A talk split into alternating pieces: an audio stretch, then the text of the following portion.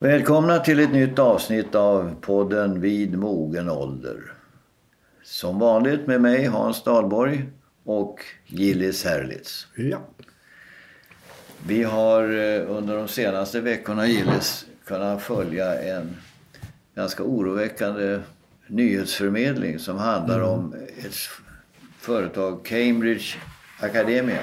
Ja, Som, just det. som utnyttjat kunskaper eller data från Facebook om, ett 50, om 50 miljoner människor i USA. Ja, och det är vad vi känner till. Just det. Gud vet hur många fler det finns av den typen, Cambridge Academia, som, som alltså...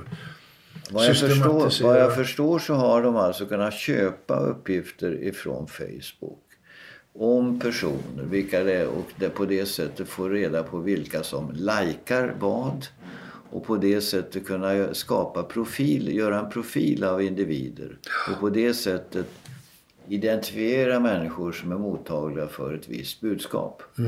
Och på det sättet, som du säger, sätter demo- kan sätta demokratin ur spel. Ja, det kan den verkligen göra. Det är ju väldigt obehagligt det här. Alltså sådana här man har diskuterat med FASA, FRA och så, signalspaning. Det, det är ju liksom peanuts jämfört med det här. Just det. Och, alltså, det är, de har ju, tömde ju hela företaget på data nu, tillsynsmyndigheter och polis. Och Ja, för att just ta reda på hur har man jobbat. Och eh, vilka i- konsekvenser får det här för vårt eh, valsystem, för vår demokratiska process.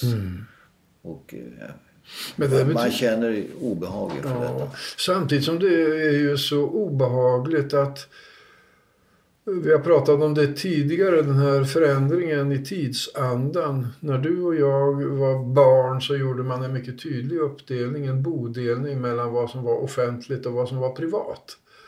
Ja, det finns ju inte. Och det finns inte. Tvärtom uppmuntrar man att offentliggöra det privata. Så folk sitter ju och berättar vad som helst, förmodar jag, på chattsidor och på, och på Facebook och lägger ut bilder på Instagram och man twittrar. Och utan Ja, ja. att reflektera, förmodar jag, över att detta kan komma att användas. Men Gillis, det är ju så, den personliga integriteten har ju beskurits. Ja, i allra Om jag står på Gillis Herlitz på nätet så får jag reda på var du bor. Jag får en bild på ditt hem. Jag får uppgift om genomsnittsinkomsten i ditt, ditt kvarter. Ja, jag får reda på hur man röstar procentuellt ungefär i din valkrets, etc. etc. Allt är tillgängligt. Och eh, jag satt på, på ett plan ifrån Helsingfors och eh, satt där och väntade för att jag var försenad. Så att jag sökte efter wifi. Ja, Och eh, då, där var inte tillgängligt men använd. Och så var Thomas Petterssons eh, iPhone. Det vill säga en person som satt på planet mitt bakom mig eller framför mig. Alltså helt... ja. Din, Oj, din oj, egen oj, mobil är alltså helt plötsligt Ja. någon annans verktyg. Men vet du vad som händer också Hans? Jag och Siv, min hustru, alltså, vi har blivit väldigt överraskade och lite obehagligt berörda. Vi sökte, alltså Siv sökte på den fasta datorn vid något tillfälle efter hotell. Låt säga att det var i Mexiko eller så. Ja, Ja, och så inga problem med det.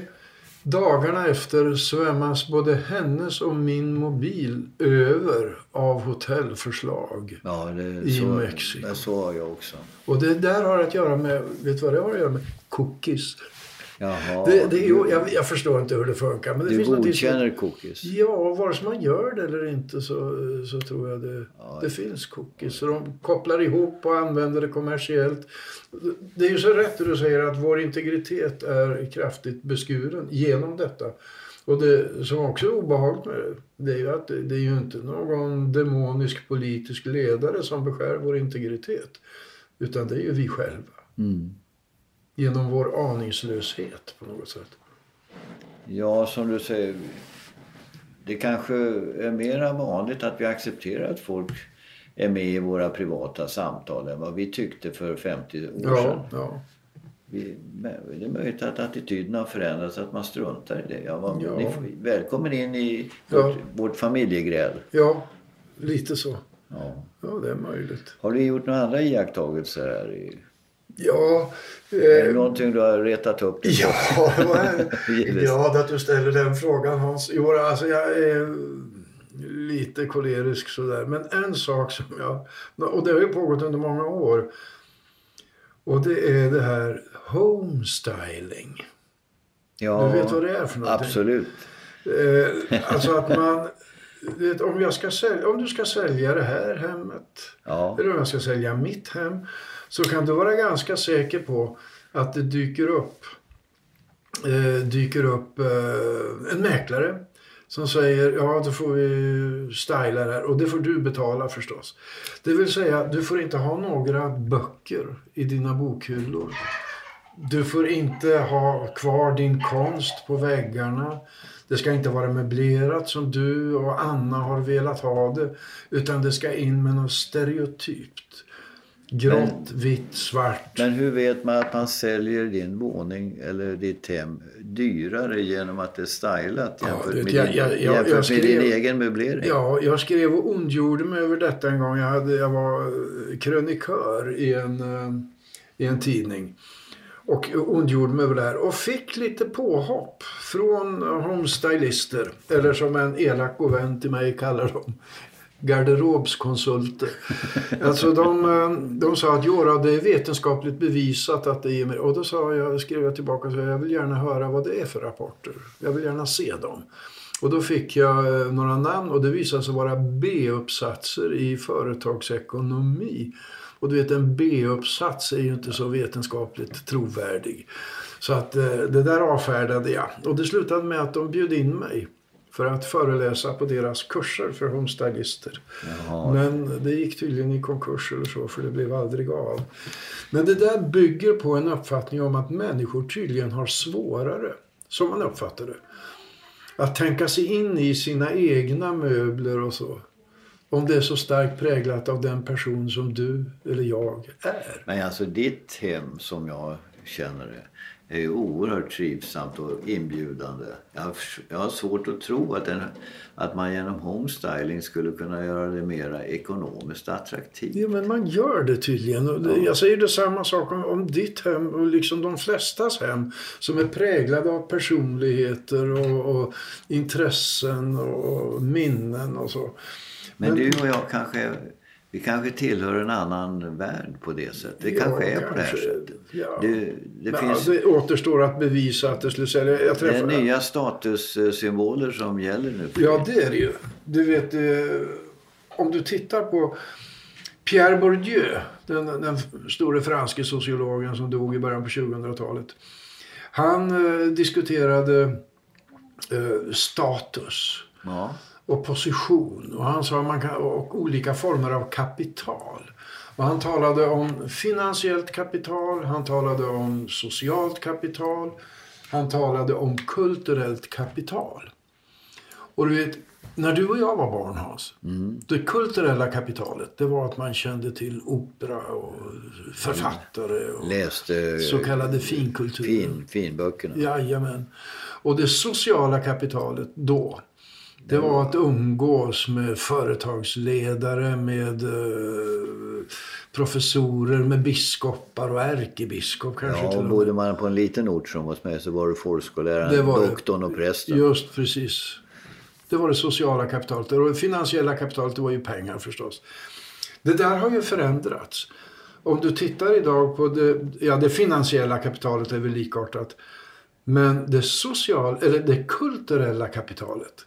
Det är inte längre alls de personer som ingick i det kulturella kapitalet när vi var unga. Utan det är art directors, det är Influencers. Influencers, det är kända Youtube-artister, det är... Om man tittar såna här kändisblaskor så Ja. hittar man en enorm massa olika titlar. Till exempel Concept Manager.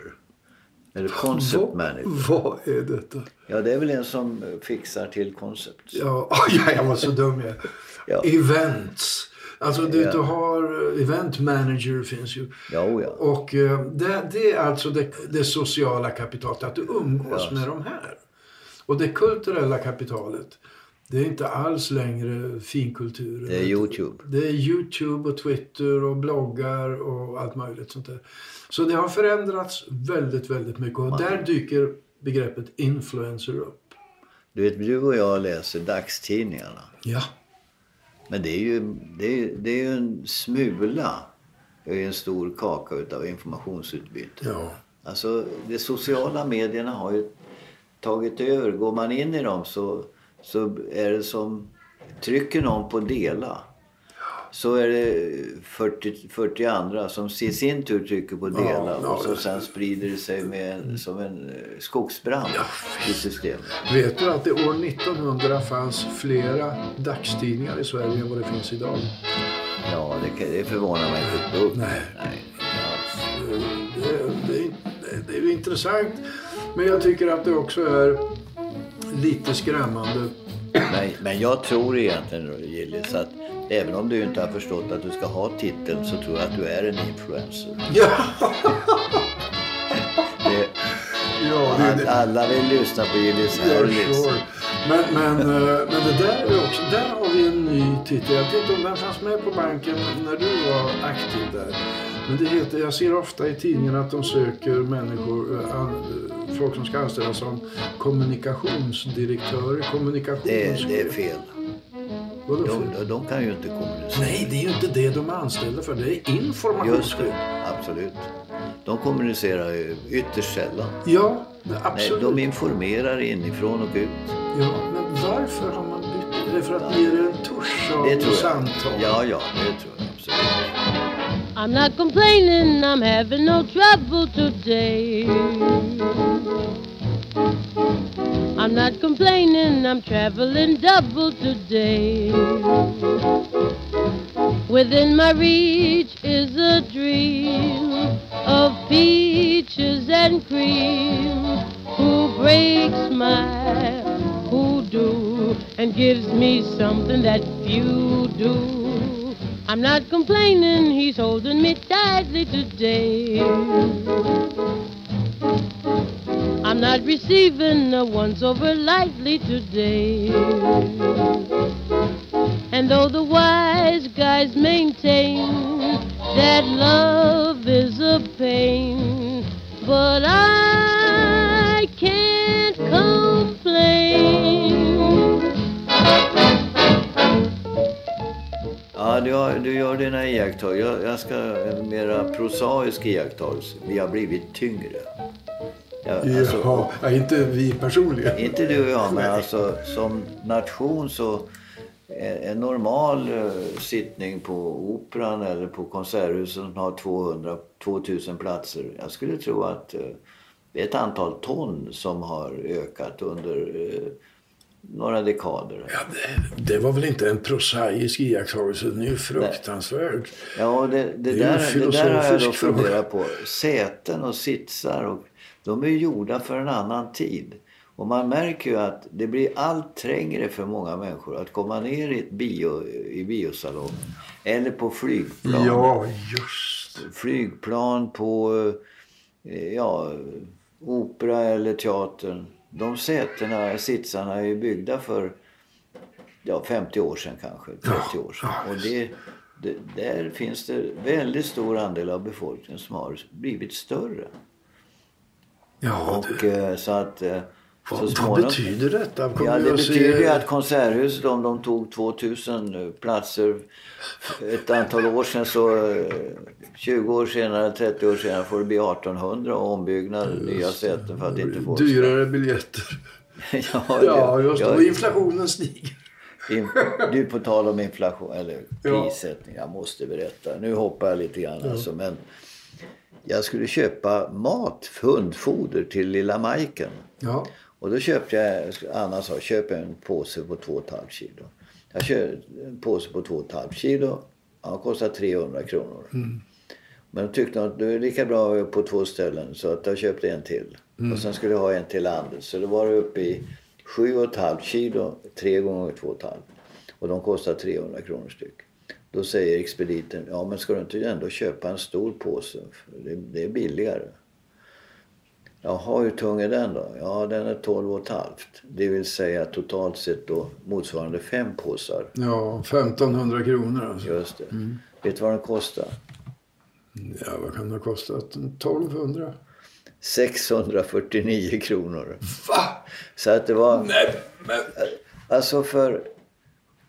De, för, men vad för säger du? 12,5 kilo så betalar jag 650 kronor. Som i en annan förpackningsform skulle ha kostat 1500 kronor. Men du kan ju köpa två sådana och ändå komma under. Jag kommer ändå under priset för småpåsar. Det är, det är, det är helt bisarrt. Du hade kunnat köpa sju, åtta sådana där och ställa dig ute på gatan utanför och Åh. sälja dem för 250 kronor styck. Nej, men ibland, ibland Men hur man- räknade de då? Jag, jag vill inte gå in i någon diskussion men jag tyckte det var häpnadsväckande priser skildrade. Vilken märklig situation. hörru. Har du, eh, så att sånt här ska man eh, vara uppmärksam på tycker jag. Har du någon dieselbil då? Nej, Hans. Kära vän. Du må tro att jag har tänkt på dig de senaste dagarna. Ja, Jag det, vet att du är en miljömedveten men du vill göra gott här i världen och i livet och har gjort väldigt mycket för andra människor. Och i denna goda, vänliga attityd så köpte du för inte så många år sedan för att vara miljövänlig en dieselbil. alldeles rätt. Det är så? Det köpte en, en dieselbil som alla sa. Försäljaren, de politiska uttalandena var likadana. Att diesel var miljövänligt. Men, och istället för bensinbilar eller annat. Och till och med, till och med vän, med, vänligare än hybridbilar. Och sen kommer då det, det, det denna var fullständig eh, överens... Alla var överens om det. Alla var överens. Och så att eh, det fanns inga stora politiska motsättningar i den här frågan. Nu kan man ju säga att det där kommer ju att gälla om ett antal år och det kommer att gälla på vissa platser i Stockholm Det här med miljözoner. med miljözoner. Och idag finns faktiskt redan miljözoner. Du får inte köra med dubbdäck På Hornsgatan i Stockholm och Kungsängsgatan. Kungsgatan i Uppsala. Kungsgatan i Uppsala. Och, eh, så att det går ju att undvika men det är klart att om man inte kan komma in i sitt garage Men det är det jag tänkte fråga dig. men, men det är inte så. Därför du bor ju så centralt. Så... Eh, Det får man ju se. Ja. Men jag får sälja den eller köra upp i Norrland med den där. För där tror jag inte att den här, de här miljözonerna kommer att vara användbara. Men det är... Det man stod med lång näsa, den saken. ja, En ganska tjusig lång näsa. ja, förskräckligt. Traveling lady, stay a while until the night is over. I'm just a station on your way. I know I'm not your lover. Well, I live with a child of snow when I was a soldier. And I fought every man for her until the nights grew colder. Ja, en alldeles uppenbar iakttagelse det är naturligtvis det här enorma användandet utav sociala medier där man, individer går ut och talar om vad, vad de har ätit, vad de tycker just då. De lägger ut en bild eller en selfie på sig själva. Det måste vara hur mycket, alltså miljon, miljarders iakttagelser hela tiden. Har du stort behov av att berätta för män, alla människor som du någonsin har träffat vad du åt till frukost? Inte ett dugg. Inte ett dugg. Men, men det visar ju sig att om man gör det ständigt va? och så sen Facebook på något sätt överlåter till, eller säljer den här typen av kunskaper så går det naturligtvis med att med statistiska algoritmer ta reda på vad enskilda individer gillar för mat. vad de Exempelvis. håller på för lag, Kan rikta reklam. vad de har för politisk åsikt. Den här eh, företrädare för Akademika, eller en av forskarna där, han sa att han kunde med 85% säkerhet påvisa vilka som är homosexuella. Och så vidare. Va? Så att det, det, det är ett instrument i händerna på fel personer som är väldigt farligt. Väldigt obehagligt. Men det stämmer naturligtvis med all den information människor godvilligt och med glatt sinne lägger ut om sig själva samlas. Eller kan samlas. samlas Kan och, och sen får du alltså ett eh, 70-80 likar, de som Mm. likar och då är de Just. på något sätt sympatiserande med det budskapet Ja. som just den personen har lagt ut. Och sakta men säkert kan det då växa fram bilder utav oss människor som är ganska nära hur, vi faktiskt är. I och för sig en ganska ytlig bild men... Ja, ja, men det är ju inte mer än det som behövs för Nej. att eh, kampanjledare ska veta vad de ska säga och hur, vem de ska rikta sig till. Mera specifikt. Men det, när du tar om bilder, det är ju inte bara en bild i överförd bemärkelse. Det är ju faktiskt också väldigt mycket bilder i bokstavlig betydelse som finns på nätet. Ja, ja. Och och det där, jag undrar hur, hur fungerar den här dataskyddslagen? Jag hittar ju ibland, eller kommer folk till mig och säger att jo, du, eh, jag såg dig på, på Facebook en bild. Har någon som har fotograferat när jag föreläser. Jo, men om du står och föreläser i Ulricehamn och så kommer en pressfotograf och tar en bild av dig och sätter in i tidningen så, så det har de all rätt till. Du har ju valt Ja, att stå ja, där i, ja. och, och, och den bilden sen, den dyker kanske sen upp i Facebook. Ja. Men eh, fanns det inte någon lag ett tag som sa att du får inte lägga ut bilder på människor om du inte har hämt, inhämtat deras godkännande?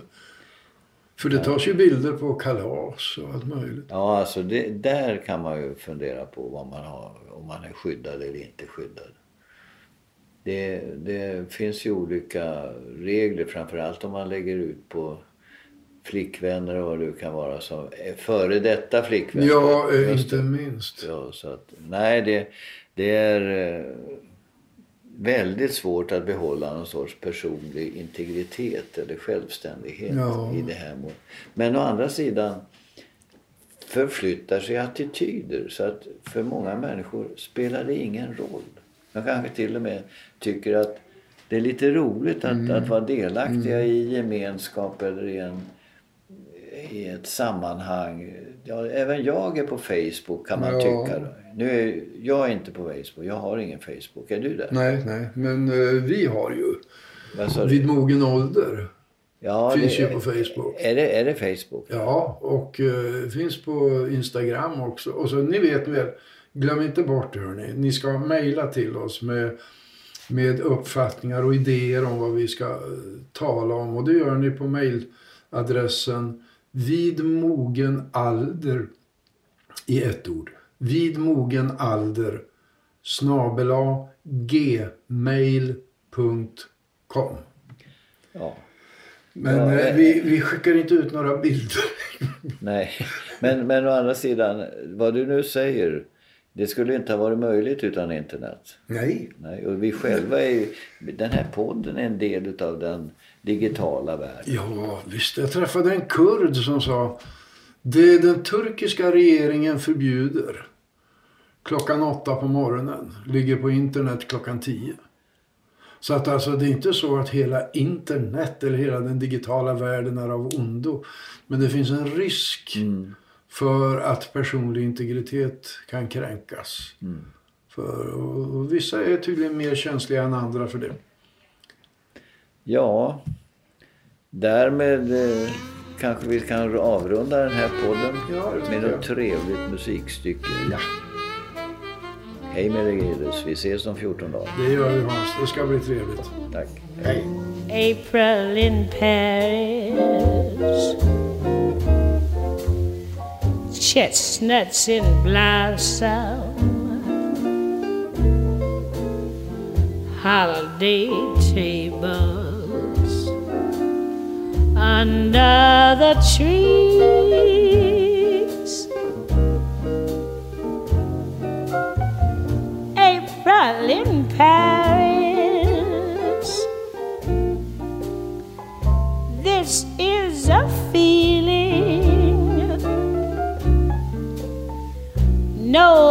Can ever reprise.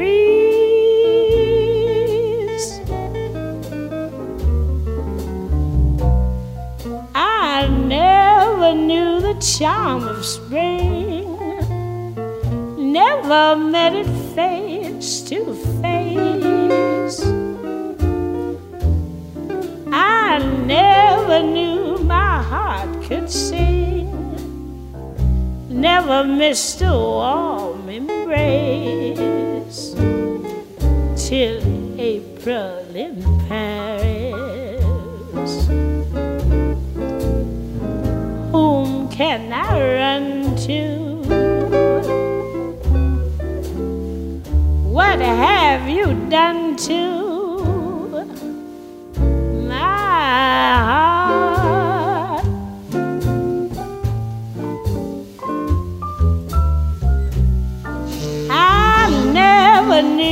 charm of spring, never met it face to face. I never knew my heart could sing, never missed a warm embrace till April in Paris.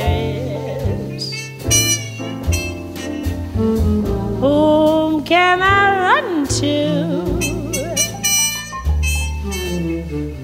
What did you mean to? What have you done to my